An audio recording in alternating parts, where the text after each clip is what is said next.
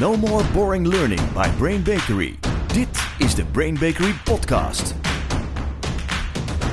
Welkom allemaal bij een nieuwe aflevering van onze podcast. Een speciaal ingelaste aflevering. Natuurlijk naar aanleiding van de persconferentie van Mark Rutte van gisteravond. Auw, Over de pijnlijke, maar nodige verlenging van de coronamaatregelen. precies. We zagen het aankomen, maar het is toch... Toch deed het hoort, pijn, hè? Ja. Dan doet het pijn. Dus dachten we, wij als L&D'ers, voor L&D'ers, we komen bij elkaar. Op afstand. Dus we hebben drie experts uit de wereld van learning and development bij elkaar gehaald om te praten over wat betekent dit voor onze branche, wat betekent dit voor bedrijven rondom trainingen, wat betekent het voor de trainers. En we zijn heel blij dat ze er zijn. We hebben Laura van den Oude, Woehoe! de Noptra trainster van het jaar 2020 en eigenaar van... Expert-trainers. Juist. Welkom Laura, fijn dat je er bent. Woehoe! Dankjewel, leuk om hier te zijn. We hebben natuurlijk ook te gast Dick Krikke. Ja, Een heerlijk. van de twee directeuren van Develop, de brancheorganisatie van Learning and Development, een netwerkorganisatie. Ja. Heel fijn dat je Wat er een bent. eer. Dick. Ja, hallo. eh, leuk om hier weer te zijn. En natuurlijk vaste gast in onze podcast, de L&D Professional van het jaar 2020 en oprichter van Brain Bakery, Sjane Bakker. Heerlijk. Ja, Dick en Laura, het eerste waar ik het graag eh, met, eh, met z'n drie over wil hebben is... Gisteren hebben we gehoord, tot 20 mei zeker geen trainingen. En als ik het zo hoor, is de kans groot dat het daarna ook niet allemaal ineens open gaat. Dus groepstrainingen zijn voorlopig nog niet aan de orde. Ik weet dat de hele branche rekening ermee hield, maar dat er toch wel een klein beetje hoop was. Misschien kunnen we weer kleine dingetjes. Hoe denken jullie dat dit ontvangen is? Vertel eens even, wat is jullie reactie hierop? Ja, mijn eerste reactie is eh, eh, heel erg teleurstellend. En eh, toen ik vanmorgen wakker was, daar had ik ook zoiets... Oh ja, dat is ook de optimist in mij. Want ik had echt verwacht dat het anders zou worden. Ja. Dus 20 mei, weet je, dan ga ik ook in mijn agenda kijken. Dan denk ik, oh, dat is over een maand. Dat is echt ver weg. Ja, Dus ja. ik, ik vond het heel teleurstellend. Ja.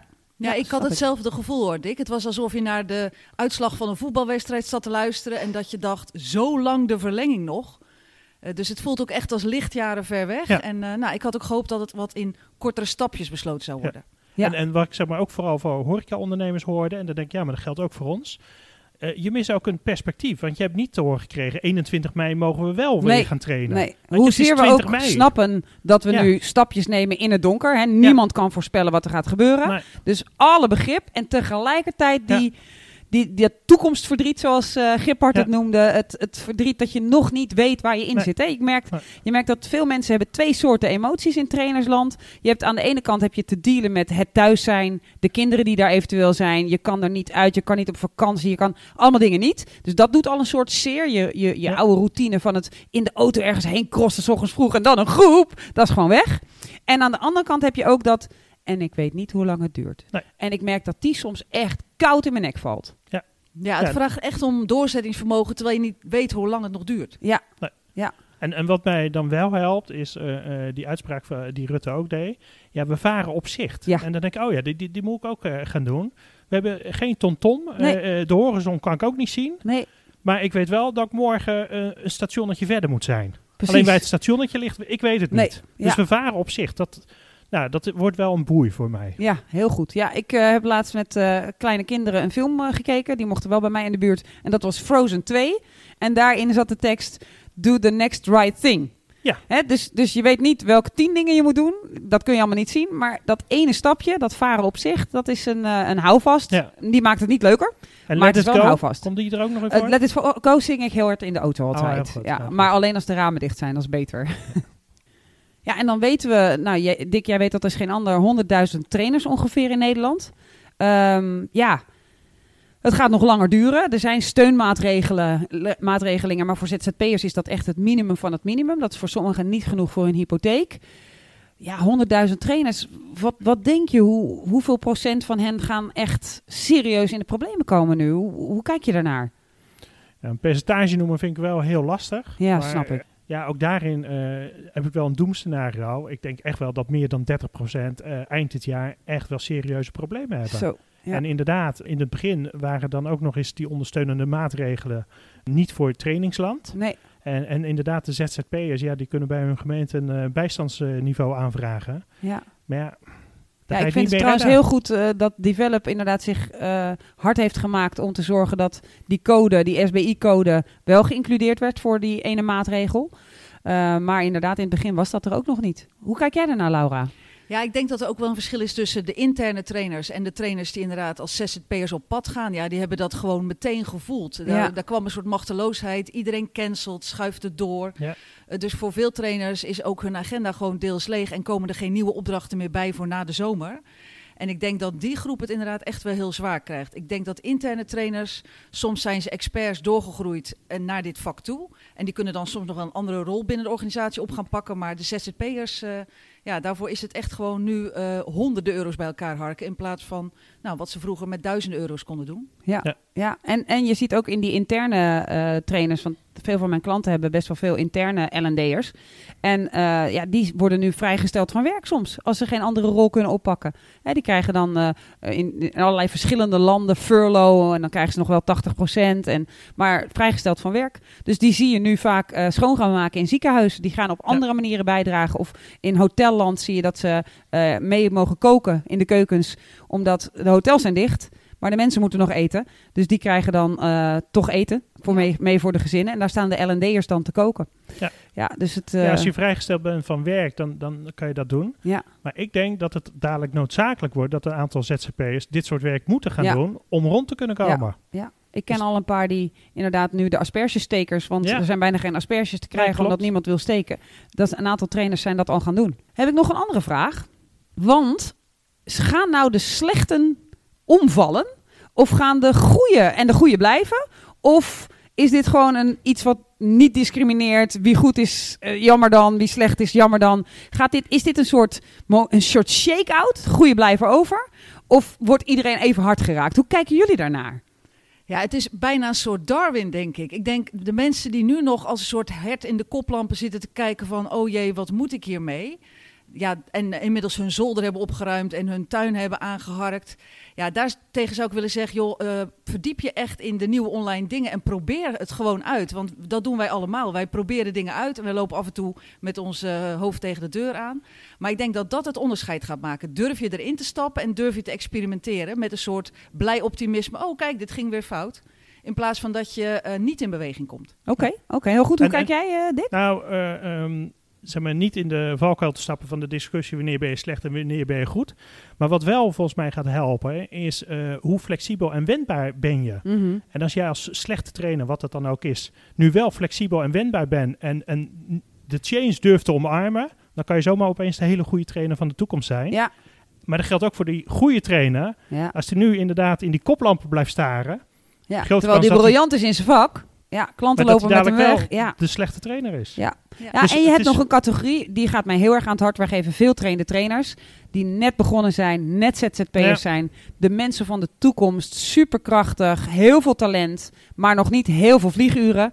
En die worden nu getroffen. Echt, dat, daar kan ik echt eh, een traan om laten. Ja, herken ik ook hoor. Eh, jonge mensen op hogescholen die dus stages zoeken of meeloopmomenten. Ja, dat is natuurlijk nu niet meer zo te krijgen. Nee, Dat is echt zonde. Dus volgens mij krijg je ook, als hoe lang dit blijft duren, krijg je ook een generatie die nog was van de coronatijd. Ja, ja, maar ik heb wel al veel ZZP'ende trainers en wij als Brain Bakery ook gehoord. Die hebben gezegd, wees welkom bij ons, kom maar stage lopen. Wij weten nu ook niet precies wat we aan het doen zijn. Maar we zijn aan het leren in deze tijd en we kunnen je begeleiden. Dus ik denk dat waar vroeger de stagemensen heel erg naar de geëikte bedrijven gingen, dat er nu een hele andere markt voor ze wordt aangeboord. Namelijk de survivalende eh ZZP'er of de wat kleinere trainingsbureaus, dat die ook super interessant voor ze zijn. Ja, absoluut. Ja, er valt mij de laatste tijd wel iets op. Eh, trainers inderdaad heel creatief proberen om online te zijn en ook om on- online producten aan te bieden. En het dan op zo'n manier doen dat ze bijvoorbeeld een training van drie uur voor maar 20 euro aanbieden. Oeh, of gratis, zie ik ook gebeuren. Ja, Heel ja. veel gratis. Ja, Ja. en dat vind ik toch ergens ook wel jammer, omdat het is echt een ander product. Het is heel compact leren en het heeft absoluut toegevoegde waarde. En hiermee zeg je eigenlijk, ja, het is eh, twee tientjes waard, wat ik nu drie uur lang met jullie ga doen. Vergeet ook de voorbereiding niet, alle werkvormen die je hebt moeten bouwen.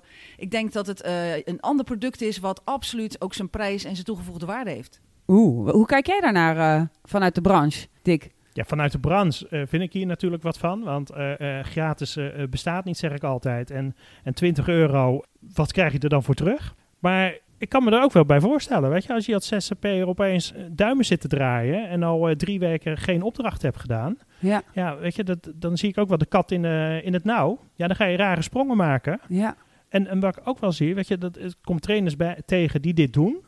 En als ik ga doorvragen, dan hebben ze er ook geen plan bij. nee, Maar ik kom ook trainers tegen die zeggen, ja, maar ik heb een plan, want dit is een amuse.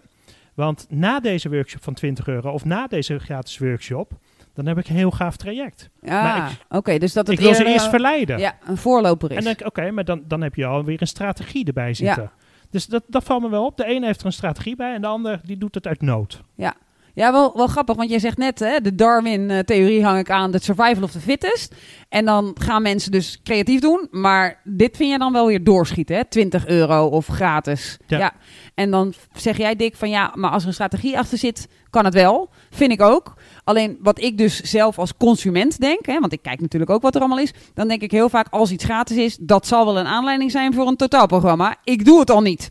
Dan heb ik liever dat er dan bij staat, Ja. in dit gratis webinar vertel ik je alles over waar je dan voor kunt inschrijven voor 14.000 euro. Of nou ja, whatever de prijs dan is. Maar dat vind ik een hele transparante manier. Ja. eh, waar, waar volgens mij deze wereld nu ook op zit te wachten. We, we willen juist nu transparantie hebben. Ja. Daar begonnen we mee. Ja. Dat we de transparantie missen van 20 mei.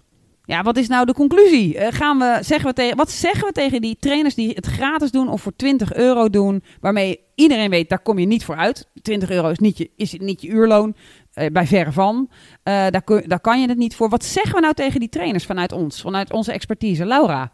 Ja, ik zou eigenlijk een oproep willen doen aan de trainers van geloof in de waarde van je product. Hè. Je kan nu jouw didactische expertise inzetten in online goede werkvormen. Dat heeft absoluut een waarde.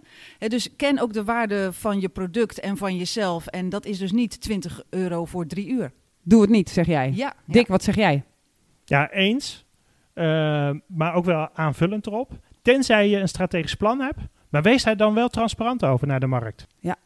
Wat ik ook zie eh, gebeuren is eh, eh, lege agenda's. Weet Ja. je, de agendas zijn de afgelopen vier weken echt wel leeggeschoven. Ook voor de komende periode. Mhm. Maar wat me dan bezighoudt.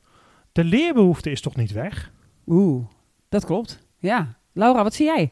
Ja, ik herken dat ook wel. En ik zie ook sinds vorige week een kanteling. En zeker met de opmerking van gisteravond dat er nog vier weken bij komen. Dus ik zie klanten nu terugkomen die in het begin koudwatervrees hadden voor online. En die zeggen nu, hey, ik zie goede voorbeelden, eh, laten we het gaan doen. En heb je er ook nu een, eh, ze hebben ook nu meer een plan erachter. Dus ik me- merk een kanteling naar wat langere termijn toch online willen gaan. Ja, dus Ja. die leerbehoefte is er gewoon nog steeds. Absoluut, Ja. ja. Ja, de leerbehoefte om om te gaan met deze nieuwe tijd, die is er zelfs bijgekomen. En de andere leerbehoeftes die er altijd al waren, die waren er nog. Maar ik, ik denk ook dat het, dat het belangrijk wordt om even een stukje verder vooruit te kijken. Want de bedrijven die ons inhuren, hè, de L&D'ers, of die L&D'ers in dienst hebben, die gaan natuurlijk een soort... Je hebt nu bloedbad 1, er is geen omzet. Eh, er is, iedereen moet thuiswerken, er gebeurt van alles. En daarna komt natuurlijk bloedbad 2. En daar komt het, oké, we mogen weer van alles... Nu moet ik op de korte termijn mijn bedrijf redden.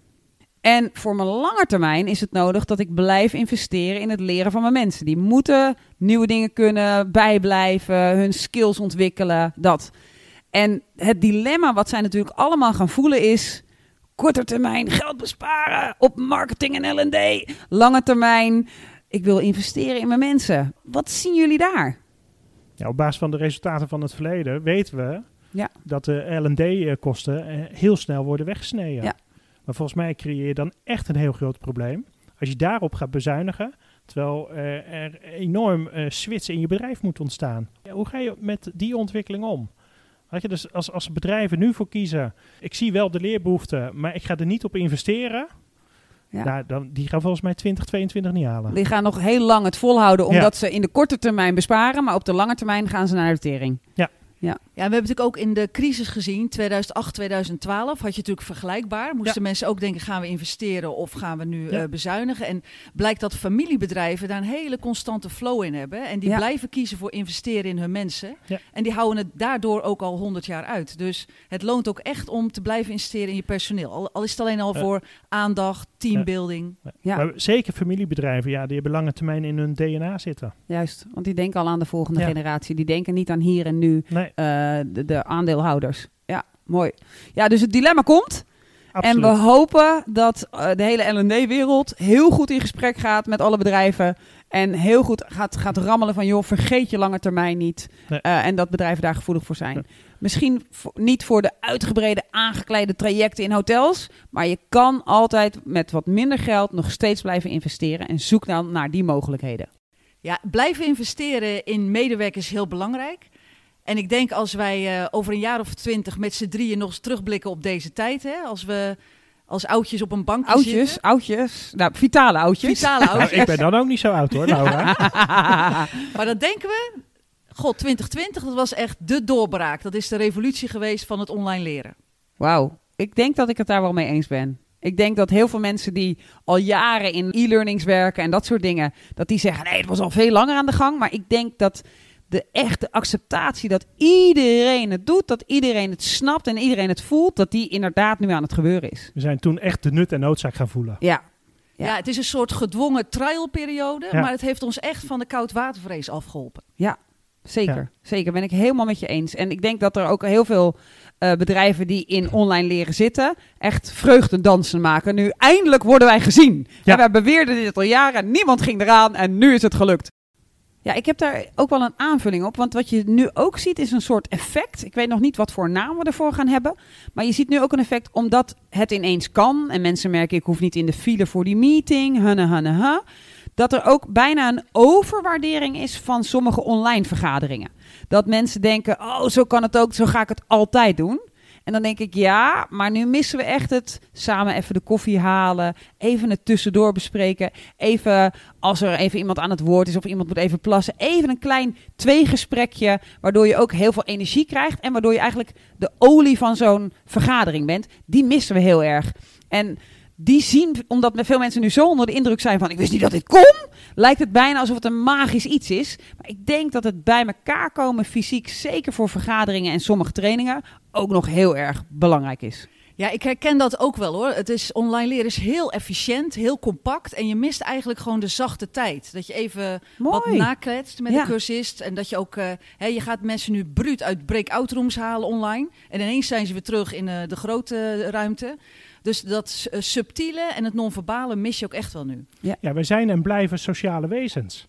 Weet je, en dat zie ik wel bij online. Ik zie nu allemaal eh, eh, hoofden en, eh, en, En- bovenlichamen. Ja, Maar wat er non-verbaal met lichaamstaal gebeurt, ik zie het niet. nee, Dus volgens mij gaan we dat heel erg missen. ja. En voor nu is het natuurlijk logisch, want nu gaan we inderdaad snel door die change curve heen.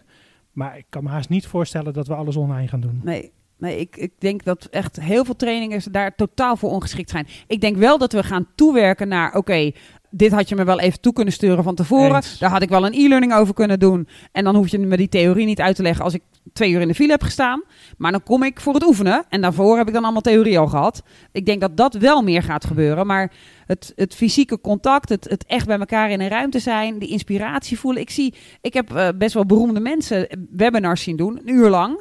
Ik ben daarna moe. Ja. Terwijl als ik, ik weet zeker dat ik bij die persoon in de zaal was ik echt stuiterend de pauze ingelopen. Omdat, ik, omdat er toch onzichtbaar een energie-exchange of zo plaatsvindt. Die niet via dat beeldscherm gaat. Nee, die frequentie komt niet over. Nee. Nee, en ik was ook bezig bijvoorbeeld met een groep eh, intervisie begeleiden. Nou ja, als je het dan hebt over non-verbale signalen en Ja. eh, de groepsdynamiek en de energie die in een ruimte hangt. En systemisch werken ook. Ja, dat is heel lastig met twintig gezichten op een scherm. Ja. Ik had, ik had vanmorgen nog in een sessie, inderdaad eh, met twaalf man. Weet je, als trainer kan ik met oogcontact eh, naar Sjane kijken. En dan voelt Sjane van, oh, hij wil geloof ik een antwoord van mij. Online lukt dat niet. Dan moet ik al zeggen, Sjane, antwoord. Even unmuten. Ja, doe je eerst even unmuten. We zien je wel hey, je praten. staat op maar- de unmute. Brain Bakery's Fuck Up van de Week. Nou Lara, het is jouw eerste keer hier. Als eerste keer krijg je de eer om een fuck-up te delen. Ga je gang. Ja, ik was ergens heel erg over verrast. En ik had een enorme aanname gedaan. Eh, ik had een aantal groepen die in week twee na corona bezig waren om online te leren. En je hoorde natuurlijk kinderen op de achtergrond, honden. Af en toe was de Oeh, verbinding kwijt. Ja. Dus ik denk, nou, daar gaat mijn borging en daar gaat mijn rendement. Eh, gisteren heb ik een paar van die groepen echt getest. Hè, want ik dacht, aannames weg ermee. Je moet echt gewoon eh, aantonen wat wel of niet gelukt is. En jij verwachtte dat het wat lager zou zijn dan dat het live was geweest? Ja, ik was verrast. Mensen hadden echt veel onthouden. En ook een aantal dingen kunnen uitproberen online. Dus uh, nou, hulde aan online. Wauw, wat goed. Wat een mooie realisatie. Ja. En ik denk dat heel veel trainers dit herkennen. Dat ze denken, nou online heeft niet zoveel rendement. En dat blijkt het gewoon wel te hebben. Ja, was echt tof. Ik was zelf ook positief verrast. Laura, Dick en Sjane, we gaan richting de afronding. Maar ik heb natuurlijk nog wel een vraag aan jullie. Hoe bereiden jullie als de experts van de wereld van L&D, hoe bereiden jullie je nou voor op die onbekende, onbekende komende periode waarin we op zicht varen? Hoe, wat doen jullie? Oeh, Laura. Ja, ik vind op zicht varen wel een heel mooie metafoor. Want uh, ik heb een trainingslocatie, dat is een katamaran in Friesland. Juist. Dus ja, ik ga scenario's ga ik maken. Elke ochtend sta ik op met, we kunnen drie dingen doen. Of we gaan met z'n allen op de boot, of we gaan naar een anderhalve meter locatie, of we gaan het online doen. Dus dat betekent flexibiliteit en het klaar hebben staan. Wauw, ja, drie scenario's. Mooi, ja. Wat ik vooral doe de, afgelopen periode en de komende periode is, we hebben heel veel trainers die we hebben opgeleid. Uh, en sommigen hebben het best wel moeilijk. Dus we proberen hen te ondersteunen middels nieuwe theorieën. Als wij zelf iets ontdekken over online, proberen we dat door te geven. Dus uh, we proberen de No More Boring Learning boodschap te verspreiden via onze trainers. Ja, en voor uh, uh, Develop, weet je, dat, het jaarcongres, daar waren we al ja, mee bezig. In november, wat ga je doen? Ja, dat, dat, dat is een hele goeie.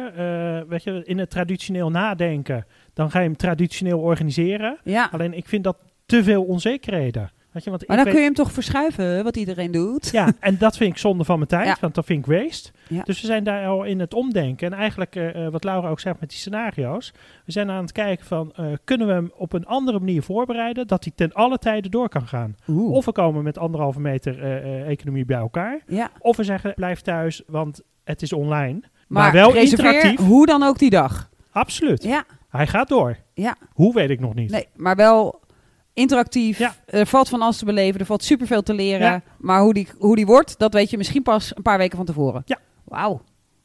Laura, Dick, Sjane, mag ik jullie namens mezelf, maar vooral namens onze luisteraars hartelijk danken. Laura, dankjewel dat je er was. Nou, dank je voor de uitnodiging. Fijn dat we zo snel op het nieuws konden inspelen. Heel graag gedaan. Dick, dankjewel dat je er was. Ja, mooi, waardevol gesprek, energiegevend. En Sjane, jij natuurlijk ook weer bedankt. Het was heel fijn. Dank Dick en Laura. Super fijn. Voor al onze luisteraars, blijf gezond en graag tot de volgende aflevering. No more boring learning. Dit was de Brain Bakery podcast. Wil je meer weten? Kijk dan op brainbakery.com of volg ons op onze socials.